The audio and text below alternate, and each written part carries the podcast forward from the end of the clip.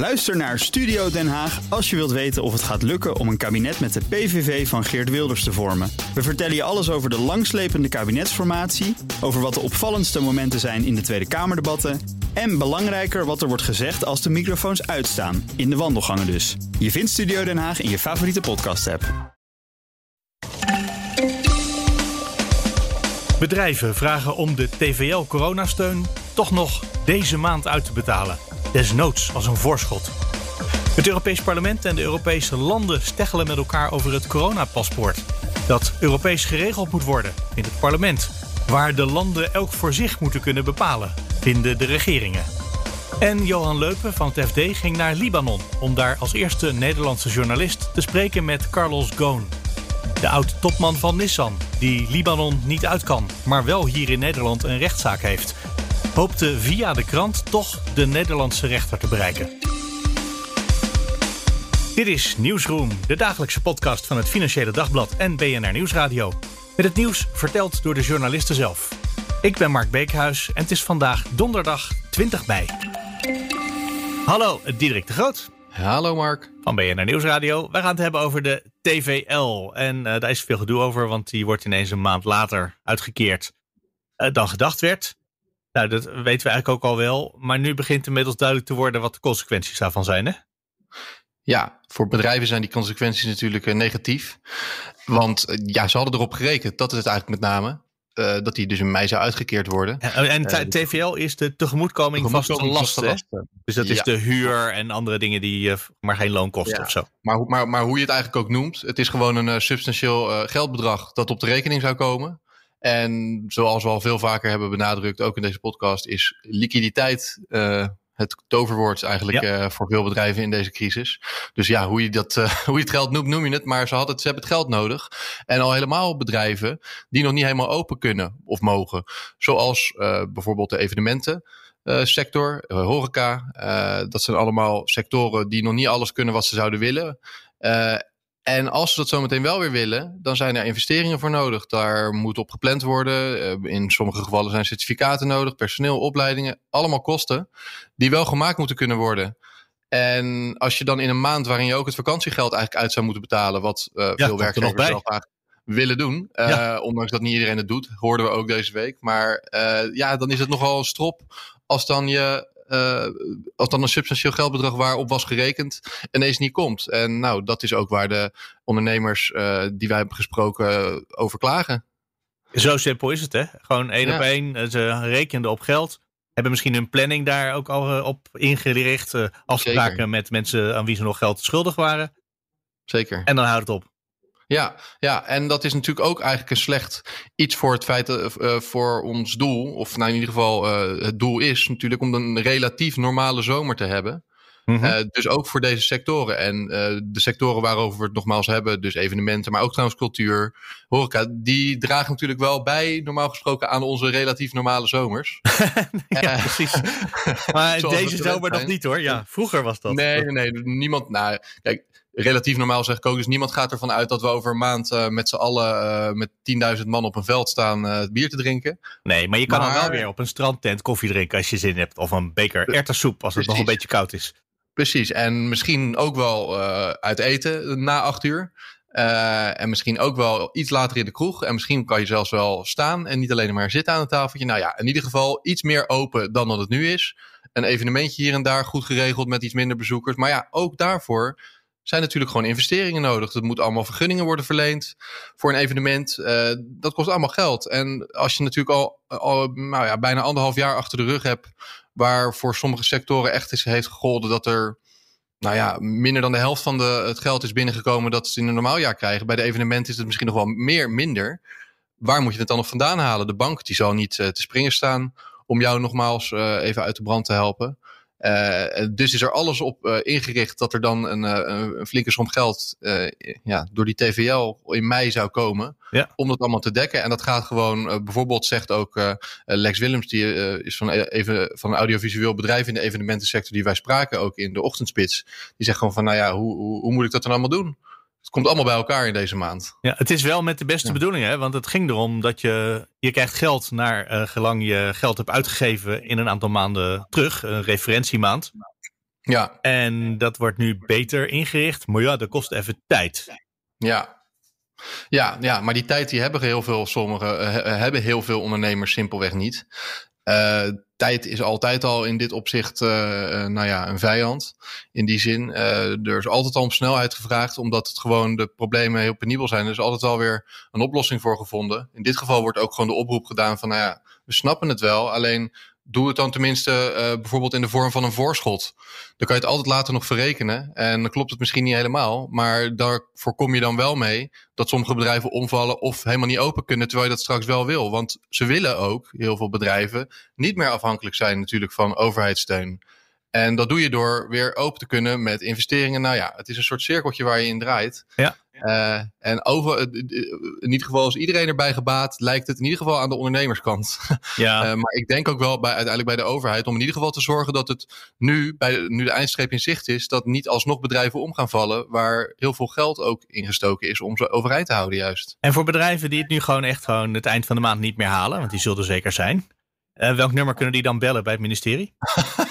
nou, ik zou eigenlijk niet weten hoe dat proces gaat. Ik denk ook dat. Nee, het, ik denk ook uh, niet dat dat er is. Maar daarom vond ik, ik de vraag toch niet wel goed om zo te stellen. Het gaat natuurlijk allemaal vrij generiek. Dat is ook vaak de kritiek geweest, natuurlijk. Dat er weinig maatwerk kon worden verricht. Maar dat kan je ook wel weer begrijpen. Want ja, we hebben zoveel bedrijven in Nederland. En nou, maar het is uh, ongebruikelijk dat de overheid ineens zegt: Weet je wat, dat geld wat je kreeg, krijg je een maand later, joh. Ja, nee, ik uh, zeg ook zeker niet dat dat iets goeds is. Alleen, ik kan me ook weer niet voorstellen, gezien al uh, de problemen bij allerlei uitvoeringen, hè, uh, bij het uitkeren van het geld in andere regelingen is ook al het nodige, um, nou ja, op de lange baan geschoven eerder of wat, is het wat langer gaan duren, omdat er gewoon personeelstekorten waren bijvoorbeeld en het is gewoon een hele stapel werk. En waarschijnlijk moeten die ministeries ook al alle zeilen bijzetten om het dan in het uh, nieuwe tijdspad allemaal goed te regelen. Gok Ja. ik zomaar. Ja, Dus of is dit die nieuwe bestuurscultuur waar iedereen het over heeft? Dat de overheid gewoon alles op maat kan uitstellen. Ja. Nu komen Ja, we in, nou de, in, de, in de categorie cynische grappen. Als, als dit hem is, dan denk ik niet dat heel veel mensen staan te springen. Maar uh, ja, nou laten we er niet van uitgaan. Dit is- blijven gewoon, blijven gewoon uh, ja, bijna onwerkelijke omstandigheden natuurlijk nog steeds waarin dit allemaal gebeurt. Hè? Laten we even eerlijk zijn. Eh, Jawel. eh, en het is natuurlijk allemaal met de beste bedoelingen. Dat wordt ook benadrukt. Het is niet dat er nu uh, naar de overheid wordt gekeken, bijvoorbeeld door, uh, nou eerder bijvoorbeeld het bedrijf wat ik al noemde van Lex Willems, van wat, wat is, ja, wat worden wij hier genaaid? Het, die regeling die is natuurlijk goed. En daar Ja, maar ze gaan misschien achter. toch kapot Ja. eraan. Nou, niet aan de regeling, maar wel aan het Nee, maar aan vertragen. de uitstel eh, van de betaling. Dat zou zomaar kunnen. Ja. Dus dat is een praktische uitvoering, een praktische uh, probleem waar ze nu tegenaan lopen. Met dus het, inderdaad een hele concrete oproep. Geef dan een voorschot. Uh, en dan zien we later wel of het allemaal klopte. Maar Ja. nu moet het gewoon uh, acuut uh, even op de rekening komen. Dirk de Groot, dankjewel. Graag gedaan. foto van mijn vader, die heeft zijn tweede prik. Met een, en die heeft kop koffie. Elke keer als mijn vader of mijn moeder geprikt is, dan sturen ze een foto met een kop koffie. Want dan zijn ze langs de Mac gereden. En dan halen ze daar een kop koffie als beloning voordat ze nu gevaccineerd zijn. Echt waar? Met het zwemdiploma erbij, hè? Dus uh, heel schattig. Geweldig. Nee, ja, nou leuk. Ja, Traditie maken, of hoe zeg je dat? Een dingetje nou ja, maken ze nog, ervan. nog één prik en dan gaat het nooit meer gebeuren, hoop Ja. ik. Dus uh, ja, voor de herhaling misschien. Ja, voor de Er booster. wordt ook nog wat voor het paspoort en een herhalingsprik. Ja, heb je, heb je de tegen alle varianten vaccin al gehad? Precies. Madagaskar. Jullie hebben het hartstikke gezellig. Ik ga even inbreken. Geert-Jan Haan, Anna Dijkman, Geert-Jan van BNR, Anna van het eh, FD. We gaan het hebben over, nou ja, jullie waren er al mee bezig, uh, met de vaccins en het coronapaspoort. Waar ik wou zeggen veel over, gedoe, uh, over te doen is, maar dat is niet helemaal zo. Want op het ogenblik is er eigenlijk nog steeds, het is er niet, het paspoort. Dat heet ook helemaal geen paspoort, Anna. Wat, hoe heet het eigenlijk wel? Ja, dat is ook nog niet helemaal duidelijk. Want er was op een gegeven moment zou het de, de, de Digital Green Pass heten. En, maar dat vond het Europarlement dan weer niet zo geslaagd. En die wilde dan voor het E EU COVID-19 certificate. Zelfs Ja. daarover wordt vergaderd en gevochten. Precies. En, het heet natuurlijk gewoon in de volksmond corona-paspoort. Maar Maar daar worden Europarlementariërs dan weer een beetje kribbig over. Want het mag geen paspoort zijn. precies. Waarom is het geen paspoort? Wat is de reden dat we het niet paspoort mogen noemen?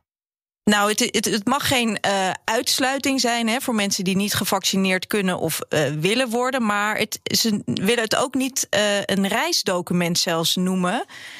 Ook omdat het niet verplicht kan worden gesteld. Het is eigenlijk alleen een manier om te voorkomen dat je bijvoorbeeld in een ander, andere lidstaat nog in quarantaine moet. Of dat je nog een test moet laten zien. Maar, zeg ik er meteen bij, als ik het goed heb begrepen, behouden de lidstaten zich wel. Uh, die, die houden dat recht om toch aanvullende eisen te kunnen stellen. En dat kan bijvoorbeeld handig zijn als er, ja, als er lokaal ergens een uitbraak nog is, hè, dat je dan wel strengere eisen stelt. Maar ja, dat is wel een tikje verwarrend, vind ik dan persoonlijk. Het is totaal verwarrend. Het is een document wat we gaan gebruiken om het buitenland in te mogen.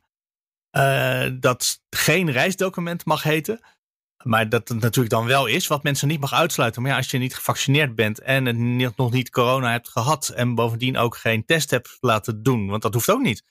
Uh, dan krijg je het niet, dat coronapaspoort. Dus het sluit wel mensen. Eigenlijk op alle punten die je net uh, voorstelt, schiet het tekort als ik het zo hoor. Ja, nou ja, het alternatief is niet reizen. Hè? Dat wordt ja, natuurlijk, ook gezegd. Van, ja. ja. Mark, je, je, je, je vat het wel een beetje ingewikkeld samen. nou, let, probeer is, jij het eens. Het is in feite een, een, een, een QR-code. Dus het kan met name digitaal. Het mag ook op papier. Maar het idee is digitaal met zo min mogelijk uh, medische informatie. Uh, met zo min mogelijk persoonsgegevens. Alleen wat nodig is om aan te tonen dat je of negatief getest bent, of gevaccineerd bent, of uh, immuun bent. Dat staat nog ter discussie ook, hoe lang je dan immuun bent. Ja. Maar dat is in principe de gegevens die ze van je willen hebben en die je in alle 27 EU-lidstaten en nog een paar Schengenlanden die willen aansluiten, zou moeten kunnen overleggen of op de luchthaven of ergens in een land in de buurt van een grens. Oké, maar jij bent Europa-verslaggever. Wat is op het ogenblik waar de Europese parlementariërs met elkaar over steggelen, of de Europese landen met elkaar over steggelen? Uh, want als je het zo uitlegt, dan denk je, nou, uh, gaan printen die QR-codes, dat kunnen we gewoon. Ze hebben ruzie over alles. Toch? Echt waar, ja. Het, het, kijk, aan de ene kant klopt het wat Anna vandaag ook schrijft. Namelijk, het, het, het, het is het op de, hoe zeg je dat, op de, op de, de puntjes op de i zetten. Dat is aan de ene kant waar. Aan de andere kant is dit voor het Europees Parlement een zeer principiële kwestie. En zij komen ook met allemaal compromisvoorstellen. Want uh, Mark, om je het beeld te geven, je hebt dus uh, de Europese Commissie, je hebt het parlement en je hebt de Raad. En de Raad, dat zijn dan de lidstaten. Nou, de Europese Commissie heeft dus uh, gevraagd aan het parlement: kom maar heel snel met een plan. Nou, het parlement is ook voor Brusselse begrippen best wel snel met een breed gedragen plan gekomen. Dit is de manier om weer door Europa te kunnen reizen zonder dat het een lappendeken is. Aha. Dat wordt dan voorgelegd aan de Raad. Dat zijn dus alle lidstaten, waaronder Nederland. En uh, ja, die moeten gaan onderhandelen, die moeten gaan polderen. Alleen ze komen niet nader tot elkaar. En wat ik dan heb begrepen van bronnen uit Brussel, is dat het parlement degene is die probeert te schuiven. Die met zeven compromisvoorstellen afgelopen dinsdag is gekomen bij de triloog, bij de laatste onderhandeling. Allemaal van tafel geveegd door de raad. En ja, als de ene partij niet wil polderen en de ander wel, en dan eindig je volgens mij alsnog niet in een werkbare situatie. Nee, dat klopt inderdaad. Uh, wat mij bijvoorbeeld ook weer opviel, is dat hè, het idee is dat je dus harmonisatie hebt. Hè, dat je in alle EU-landen in principe hetzelfde hebt. Dat is het hele idee van zo'n uh, QR-code. Ja, niet meer terug naar die Fruitjoy. Precies, maar nu is het wel zo dat, uh, heb, hebben wij gehoord dan, dat je bijvoorbeeld elk, uh, elke lidstaat kan ook nog zeggen van, nou ja, iemand met bijvoorbeeld uh, een vaccin dat niet door Europa is goedgekeurd, maar Russisch of Chinees vaccin, dat elke lidstaat dan toch nog kan zeggen, ja, dat vinden wij ook goed. Dus dat betekent dat je in je QR-code ook moet aantonen met welk vaccin je bent ingeënt. En dan kan de ene lidstaat zeggen: ja, wij accepteren wel ja. Chinese vaccins. En de andere kan zeggen: nee, sorry, dat doen wij ja, dus daar doen niet. Wij niet aan mee. De, de, basis wordt de door de EMA goedgekeurde vaccins. Maar ja. omdat veel Hongaren uh, een Chinees vaccin hebben gehad en een aantal honderdduizend ook Sputnik, om dat als voorbeeld te geven, ja, kan je die Hongaren niet als uh, mede-EU-genoten zomaar uitsluiten. Dus dan uh, zou dat niet het basisvaccin zijn, maar je zou dat dus additioneel kunnen toevoegen. En dan zou dus, uh, als je naar Slowakije wil, dan laat je het aan Slowakije over of die Hongaar binnen mag komen ja. of niet. Ja, maar dat kan Man. dus toch weer uitsluitsel betekenen. En het is nog steeds een lappendeken. Maar helemaal in het begin, Geert-Jan, zei jij, er zit iets heel principieels aan voor, de, voor het Europees Parlement. Wat is er zo principieel aan? Ja, dat begint eigenlijk al bij het feit dat uh, Schengen al 15 à 16 maanden niet functioneert zoals het oorspronkelijk zou moeten functioneren. Dat is dus echt heel principieel, heel fundamenteel. En het Europees Parlement is dus een beetje klaar met die willekeur. Die willekeur van allerlei landen om zomaar een grens dicht te gooien. Uh, dicht te gooien. En dus zegt het Europees Parlement: het voorstel dat wij doen, dat betekent alle 27 landen dezelfde afspraken, dezelfde voorwaarden om te reizen. Mensen moeten kunnen reizen. Of ze nou moeten betalen voor een test of niet, dat onderhandelen we dan nog wel uit. Maar niet meer unilateraal beslissingen mogen nemen. Dat dreigt nu alsnog te gebeuren, want dat, dat is een compromis waar ze maar niet over, eh, eens uh, worden. En dit is ook waarom de Raad zo dwars ligt. Want de Raad, dat zijn natuurlijk, nou, dat is onder andere Mark Rutte gaat dan als onze minister-president daar naartoe. Uh, en dan die gaat dan zeggen: nee, maar Nederland heeft eigen belangen. Ja, en het is nationale competentie, wordt dan ook gezegd. Hoewel Nederland op dit punt niet per se de grote dwarsligger zijn is. Wij nu, oh, meestal zijn we dat wel. Ja, op andere punten, maar niet op, dat, op dit compromispunt bedoel ik. Nee, maar wat, wat mij wel weer opviel, is dat uh, er is vanuit uh, het kabinet is nog advies gevraagd aan de Gezondheidsraad in Nederland. Hè, om te horen in hoeverre gevaccineerden nou bijdragen aan besmettingen. En uh, de Europese, ja, even knie daarvan zou je kunnen zeggen, de ECDC, niet uh, te verwarren met. Ik vind het goede muziek altijd. ja. De hartrockband. maar um, die heeft eigenlijk gezegd, nou ja, dat, we achten dat risico klein en uh, hè, dat is wel veilig. Maar nu gaat dus alsnog het, ons kabinet vragen aan de gezondheidsraad van kunnen jullie dat ook nog eens een keertje op een rijtje zetten en daar advies over uitbrengen. Dus dat dat advies wordt trouwens deze week zou, uh, zou komen. Het is er nog niet. Het moet ook, maar met al die deadlines. Het moet inderdaad. Maar dat zou in theorie ook nog kunnen be betekenen dat wij op basis van dat advies weer een andere afweging maken. En dat we dan zeggen, ja sorry, die gevaccineerden, die laten we niet zomaar toe. We willen bijvoorbeeld toch nog een, een negatieve test. Of we doen dat voor bepaalde dingen, toegang tot artis of ik noem maar wat. ja. Dus dat kan ook nog weer veranderen hoe wij als Nederland uh, ons daarin opstellen. Je hoort op het ogenblik over Den Haag heel veel van, nou, we hebben een regering nodig, laten we eens beginnen met regeren. Hè? En eerder al het gedoe maar, eh, dat Haagse. Maar is dit nou ook niet precies zoiets waar je die gedachte ook meteen bij hebt? Dat je denkt, ja, we willen gewoon op vakantie kunnen de komende zomer, als dat kan. Uh, laten ze dat, dat uh, corona-paspoort gewoon gaan drukken. En ja, maar... als mensen het een coronapaspoort noemen, wat maakt het uit? Als daarin staat, je kan wel of niet naar België, dan kan je wel of niet naar België.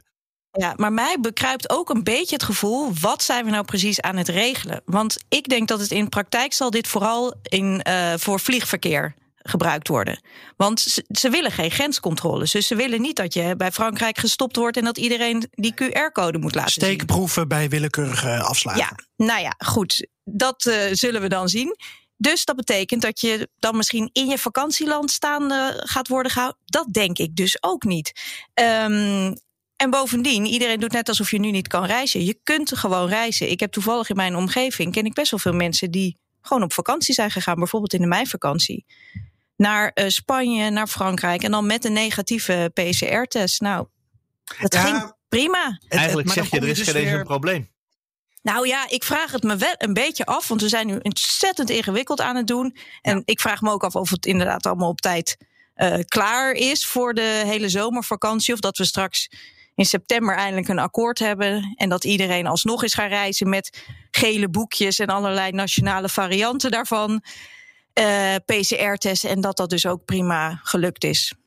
Ja, ik, ik, ik ben het met je eens, maar ik kijk er iets anders naar als in... je hebt gewoon twee wetgevers die tegenover elkaar staan. Dus het Europees Parlement en de, en de lidstaten, de Raad. En daar moet je uitkomen. Die zijn eigenlijk aan het vechten over wie naar nou de baas is. Wie het besluit nou, mag nemen. Ja, maar dan hoor je water bij de wijn te doen. En uh, als beide partijen dat niet willen doen, dan kom je inderdaad uit uh, op het punt dat je deadlines niet gaat halen. Nou, deadlines die nu staan zijn 21 juni. Met het idee van 1 juli zou het allemaal moeten werken. Een enorme stunt als dat uh, lukt. Maar voor het Europees Parlement is het dus ook echt een, een principe kwestie dat Schengen uh, van die beademing wordt afgehaald. Ja. En het gaat dus ook niet alleen om vakantie. Dus het gaat ook om het idee van dat mensen um, makkelijk tussen haakjes uh, naar begrafenissen kunnen. Dat mensen het grensverkeer, hè, dat is wel voor een deel geregeld, maar heeft nog steeds veel beperkingen. Dat dat allemaal kan. En je moet het Europees Parlement zien als een soort consumentenbond. Die proberen dat ja. makkelijker te maken. Die willen dus ervoor zorgen dat in elk land rood betekent je moet stoppen. En dat niet België ineens kan zeggen: ah, weet je, wij vinden dat oranje hetzelfde kan zijn als rood. Oké, nou, jullie zijn het eens geworden. Dat is mooi. Ja? Ja, Snap je het een beetje, Mark, nu? ik snap het de redelijk vraag. goed. Ja, ik snap dat. We hebben het nog niet eens over het gele boekje gehad, Mark. Nee, klopt. Is dat, is dat nog relevant in deze digitale tijden? Eh, ja, zeker. Want daar is net, heeft de Tweede Kamer net een motie over aangenomen. En daar is ook al best wel wat gedoe over geweest. Omdat veel mensen die zeggen: ja, waarom kan dat gele boekje niet gebruikt worden? Waarom kan die vaccinatie daar niet gewoon in worden bijgeschreven? En dat kan eh, toch ook gewoon? Dat, alleen ze doen het niet. Nou ja, dat is dus inderdaad het punt. Sommige GGD'en deden het wel, de andere weer niet. Toen was het officiële beleid, we doen het niet, want eh, efficiëntie hebben, we moeten zo doorprikken. En nu mag je dan wel die kaart, mag je dan erbij doen. Maar die is alleen kaart? Ja, de registratiekaart Oh, de die je dan ja. krijgt. Die heb je ook nog, ja. Maar goed, die is alleen in het Nederlands. En eh, daar kom je dan toch over de grens niet zo heel ver meer mee. Dus nu is er een motie. Ik moet zeggen, ik vond de motie niet heel duidelijk wat dat betreft. Maar daar zou iets ook over een, een mogelijk Engelstalig stempel eh, staan. Dat je dat zou moeten kunnen verkrijgen. Ik heb VWS er gisteren nog even over gesproken, het ministerie. En die zeiden, ja, we zijn nu aan het uitzoeken wat dit precies betekent. Hij is zodanig opgeschreven dat alle politieke partijen zich erin konden vinden. Ja, Eh, nou, kijk, Daarom het- is hij zo vaag natuurlijk. Dat zou kunnen inderdaad. Maar kijk, het, het is ook, we hebben het nu steeds over reizen binnen de EU. Maar je moet natuurlijk ook eh, buiten de EU kunnen reizen. En ja, dan heb je misschien zo'n geel boekje wel weer nodig. Want daar kun je met die Europese QR-code misschien helemaal niks. Of waarschijnlijk helemaal niks. Ja. Dus dan heb je dat gele boekje alsnog nodig. En bovendien, we hebben dat hele certificaat nog niet. Dus Nee. tussentijd zal er misschien toch iets anders eh, mogelijk moeten zijn. Anna Dijkman van het FD en Geert-Jan Haan van BNR. Dankjewel allebei. Graag gedaan. Avec plezier. Hallo, Johan Leupen Goedemorgen. van het Financieel Dagblad. We gaan het hebben over Carlos Ghosn. Dat is zo'n naam die een jaar of twee geleden elke dag in het nieuws was. Ja, Met een geweldige, bijna filmische ontsnapping vanuit Japan naar Libanon. ja. Fris mijn geheugen even op. Wie was het ook alweer? ja Carlos Ghosn was de baas van een alliantie tussen Renault, Nissan en Mitsubishi. Dus hij ging eigenlijk over, ja, zeg maar even 12% van de, alle autoverkopen in de wereld. Eh, en hij was eerst topman, daarna is hij teruggetreden in een soort voorzittersrol hè, van de commissarissen. Ehm, maar hij was wel een van de grote eh, boegbeelden van die hele industrie. Eh, noem, het, noem het maar een beetje de Elon Musk van zijn tijd. Van, Toen hij in 99 aankwam, daar heeft hij Nissan van de afgrond eh, weggehaald, van het faillissement gered. Door, door die soort van fusie met Renault te bewerkstelligen en de injectie van miljarden. En toen heeft hij dat, dat hele conglomeraat heel gezond gemaakt, tot de verbazing van eigenlijk iedereen. Die dacht van dat is een ten dode opgeschreven.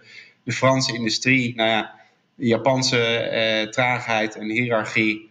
Hij heeft alles overboord gezet en hij heeft dat weer gezond gekregen. En dat was, hij was dus een soort geweldenaar. En daarna is hij eh, van zijn voetstuk gevallen eh, met, met een hele ernstige be- beschuldiging van fraude. En tientallen miljoenen zou hij hebben gestolen van, van zijn bedrijven.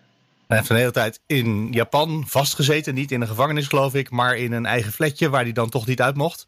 Ja, dus je moet je voorstellen, hij kwam, hij landde met zijn private jet in Tokio. En eh, toen is hij daar vrij snel gearresteerd in, in een terminal. eh, op de basis van die verdenkingen van fraude. Van, van, nou ja, dus eh, eigenlijk zelfverrijking. Tot de schok van de hele buitenwereld eigenlijk. En toen is hij dus vastgezet ongeveer een jaar lang. Ge- gearresteerd, nog een keer gearresteerd, in voorarrest vastgehouden, niet mogen praten met je advocaat, vrouw, kinderen, noem het maar op. En toen op een gegeven moment heeft hij gezegd van ik, ik ga dit niet afwachten. Ik ga mijn, mijn vonnis niet af, of het hele proces niet afwachten. Ik ga gewoon uit huisarrest ontsnappen. Hij kon dan soms wel de deur uit, maar dan werd hij ook echt gevolgd door de Japanse autoriteiten. Ja. En op een gegeven moment is hij dus gevlucht. Is hij dus ontsnapt aan het zicht van die autoriteiten. Is hij met, met de hulp van command, ex-commando's naar een ander vliegveld gereisd, een paar honderd kilometer verderop. En heeft hij daar zich in een koffer langs de douane laten rijden. Eh, en is hij daar in, op een ander privévliegtuig eh, gestapt. En nu is hij voortvluchtig. En ik heb hem dus opgezocht. Daarna is hij naar Libanon gegaan. En jij bent op een veel comfortabelere manier naar uh, Libanon gegaan, stel ik me voor. Ja, ja, ja. Ik hoefde niet in een koffer. en, ik, uh, ik heb al een tijdje uh, geleden contact gelegd met zijn advocaat in Nederland. Want hij heeft, hij heeft overal rechtszaken lopen, bijna ja. ook waaronder in Nederland. En op een gegeven moment, dus het heeft ook een Nederlands tintje, die zaak zeker. Um, en op een gegeven moment had ik toch wel een soort van vertrouwensrelatie uh, waarbij ik ook dat. Ik heb natuurlijk al veel langer kenbaar gemaakt van ik wil die man echt heel graag spreken. Ja, allicht. En op een gegeven moment kwam het verlossende woord van ja, je mag komen naar, naar Libanon. Uh, dus dat hebben we toen gedaan. Begin mei ben ik daarheen gegaan. Het verlossende woord, dat klinkt al alsof je er eigenlijk niet meer op gerekend had, maar het kwam toch goed. Nou ja, ik, ik had eigenlijk ook de, niet zulke hoge verwachtingen. Ik dacht misschien dat die man uh, een Teams meeting op zijn minst wil doen. Uh, maar ja, eigenlijk wil je dat natuurlijk niet. Je wil eigenlijk gewoon hem zien. Je wil hem uh, uh, een beetje aftasten hoe, hoe, hoe hij erbij zit. Ja. Wat zijn energie is. Dat gaat je zo ook vragen, hoe hij erbij zat. Maar eerst, waarom zei hij Johan Leupen van het Financieel Dagblad in Nederland? Die moet ik spreken. Ja, ja, nou, ja inderdaad. dus ik ben dus inderdaad de, de eerste, Nederlander, de eerste Nederlandse journalist die, die, die, die, die toegang heeft gekregen tot die man. En hoe komt dat? Waarom is Nederland nou zo belangrijk? Omdat hij dus een rechtszaak heeft lopen over geld wat hij ook via Nederland zou hebben gestolen van Nissan, zegt Nissan. En het OM van uh, Japan zegt dat dus ook. En uh, dus, dus er is ook voor, in de rechtbank van Amsterdam uh, zijn er zittingen geweest, ben ik ook bij geweest, heb ik allemaal verslagen. En je, je merkte gewoon dat op een gegeven moment, vandaag dus, komt die, die uitspraak daarin. Dat wordt de eerste het eerste oordeel wat een rechter velt uh, over, over de zaak Goon. Uh, in, in, tientallen zaken is hij natuurlijk, uh, vecht hij voor zijn reputatie en voor zijn rechten. Maar daarom is het belangrijk voor Kam Goon, dat, wat, wat, hoe staat hij er in Nederland op? Wat wordt de toon die de rechtbank zet? Wat wordt de eerste klap? Dat is toch wel heel bepalend uh, in deze hele bredere uh, juridische oorlog. Ja. Die, uh, dus, dus is het dan dat ze proberen om misschien de rechter ook via jouw stukken een beetje aan hun kant te krijgen? Of is het ook om via jouw voeling te krijgen voor hoe de Nederlandse samenleving oordeelt over deze man? Ik denk beide. kijk, ze zeggen natuurlijk niet van nou, we gaan via jou. we gaan eens even lekker de rechtbank. Nee. Maar je, je, krijgt wel dat gevoel van, nou ja, kennelijk willen ze dus toch heel graag dat hij uh, langer zijn verhaal kan doen in Nederland. Dat hij ook gehoord wordt in Nederland door de rechtbank, door, alle, door het hele publiek. Ja. En uh, ze hadden hem ook echt wel wat langer vrijgemaakt voor mij. Uh, dat ik mocht, mocht hem echt alles vragen wat ik wil over, niet alleen over die zaak, maar over zijn hele privé-situatie, over al, zijn hele belevenis in, in, hechtenis in Japan. Uh, dus jij weet nu hoe die ontsnapt is. Jij weet nu precies hoe die met die koffer en wie daarbij betrokken waren. Want dat was nog steeds geheim. Nou nee, dat, dat is dus ongeveer het enige onderwerp waar spaak liep. En waarom? Omdat die man die is er heel voorzichtig over wat ieder detail wat hij daarover loslaat, kan zijn zeg maar medeplichtige mensen in, in gevaar brengen. Ja. Ja, medeplichtig. Ik noem het medeplichtig, maar dat moet ik eigenlijk ook niet doen. Want Kijk, of het strafbaar is, dat is nog maar de vraag. Want je mag volgens mij gewoon weggaan.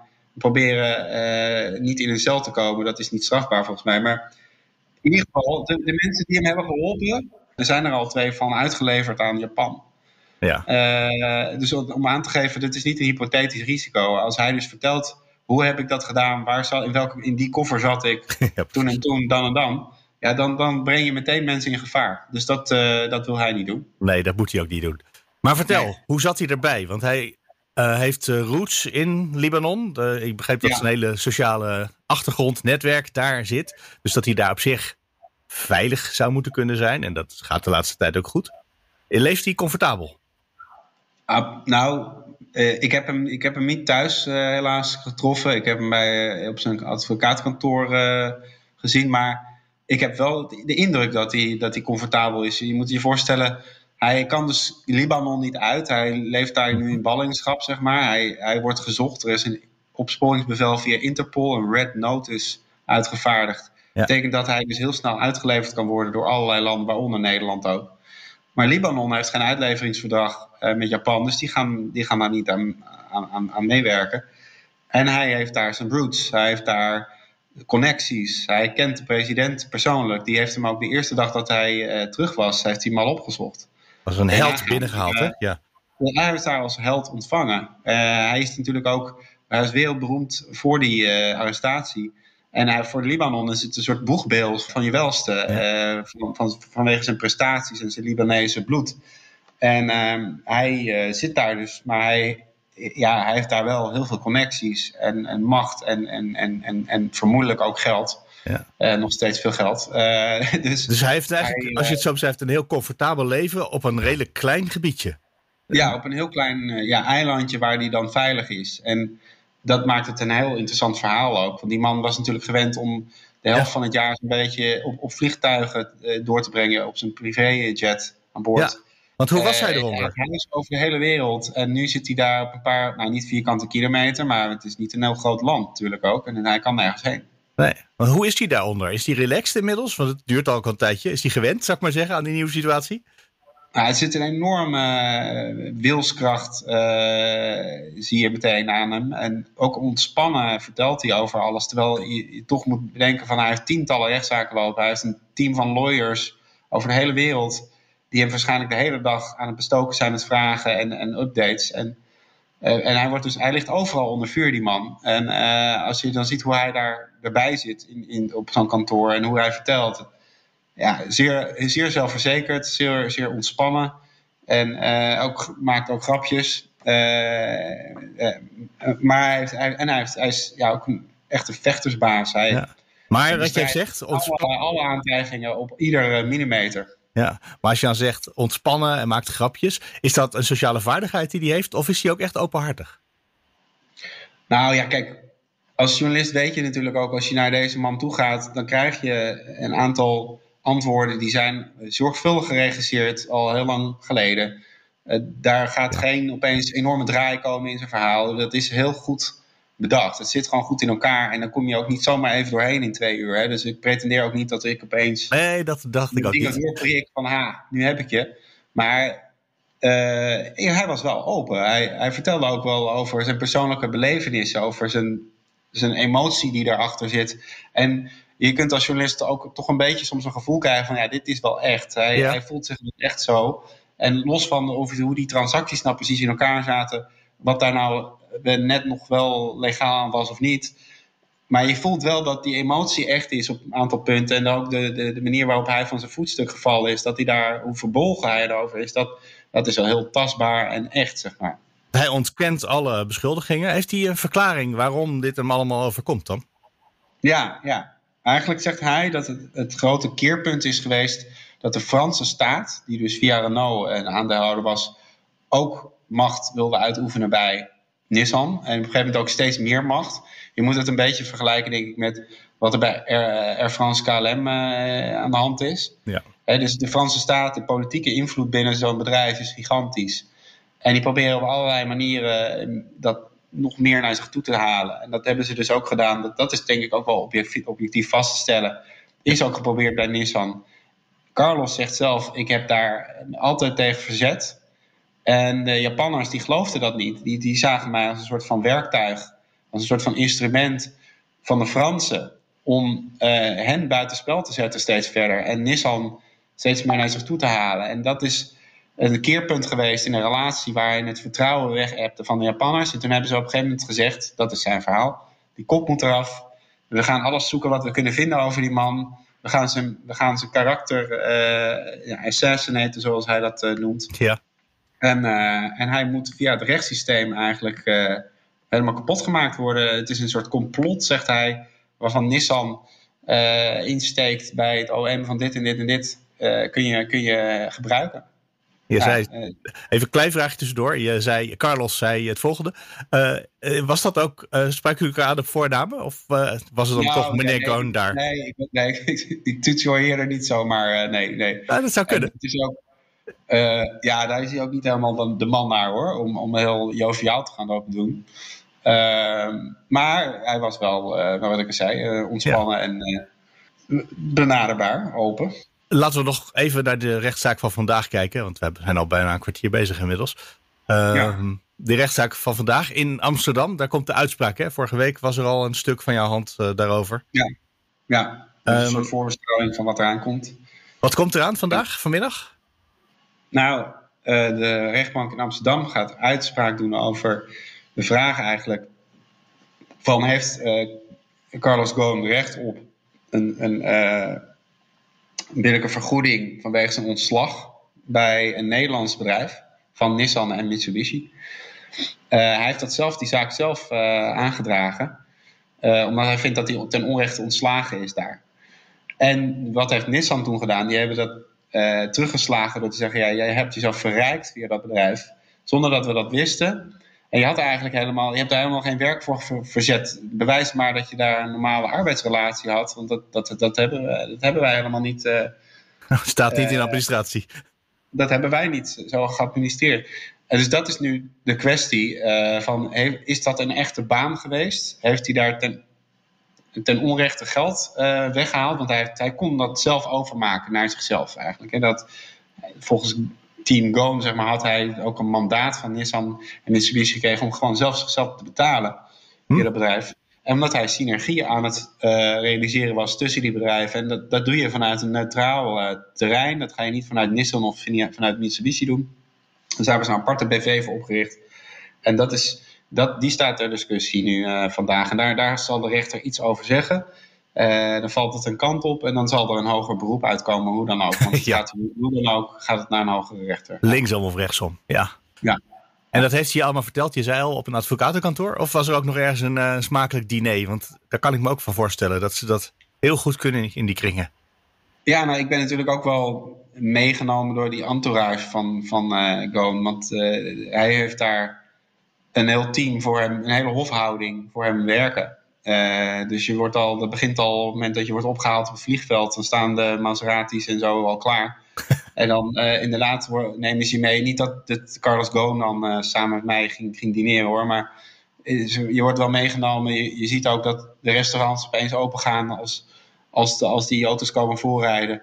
Terwijl ze eigenlijk gesloten horen te zijn. En, oh, de coronasluitingen werden even opgegeven voor jullie. Ja, dus je ziet ook gewoon dat, ah dat, daar, dat die mensen daar aan de touwtjes trekken. Uh, uh, dat, dat, dat, dat ze overal invloed kunnen uitoefenen.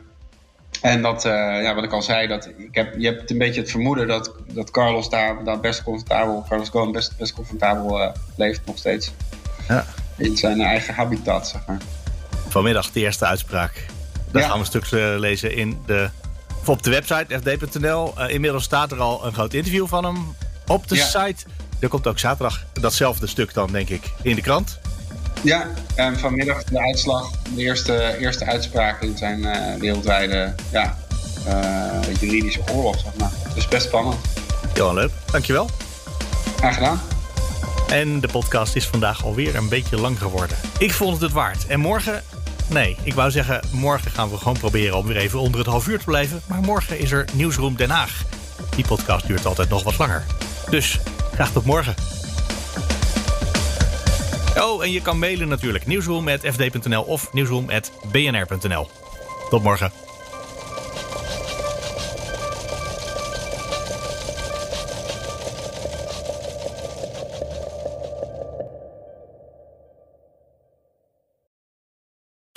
Liesbeth Staats vind je in de BNR-app. Ja, heel handig. Luister live naar Kees en mij tijdens de Daily Move. Dan blijf je ook gelijk op de hoogte van breaking news en het laatste zakelijke nieuws. En daar vind je ook alle BNR-podcasts, waaronder de Perestrooikast. Download nu de gratis BNR-app en blijf scherp.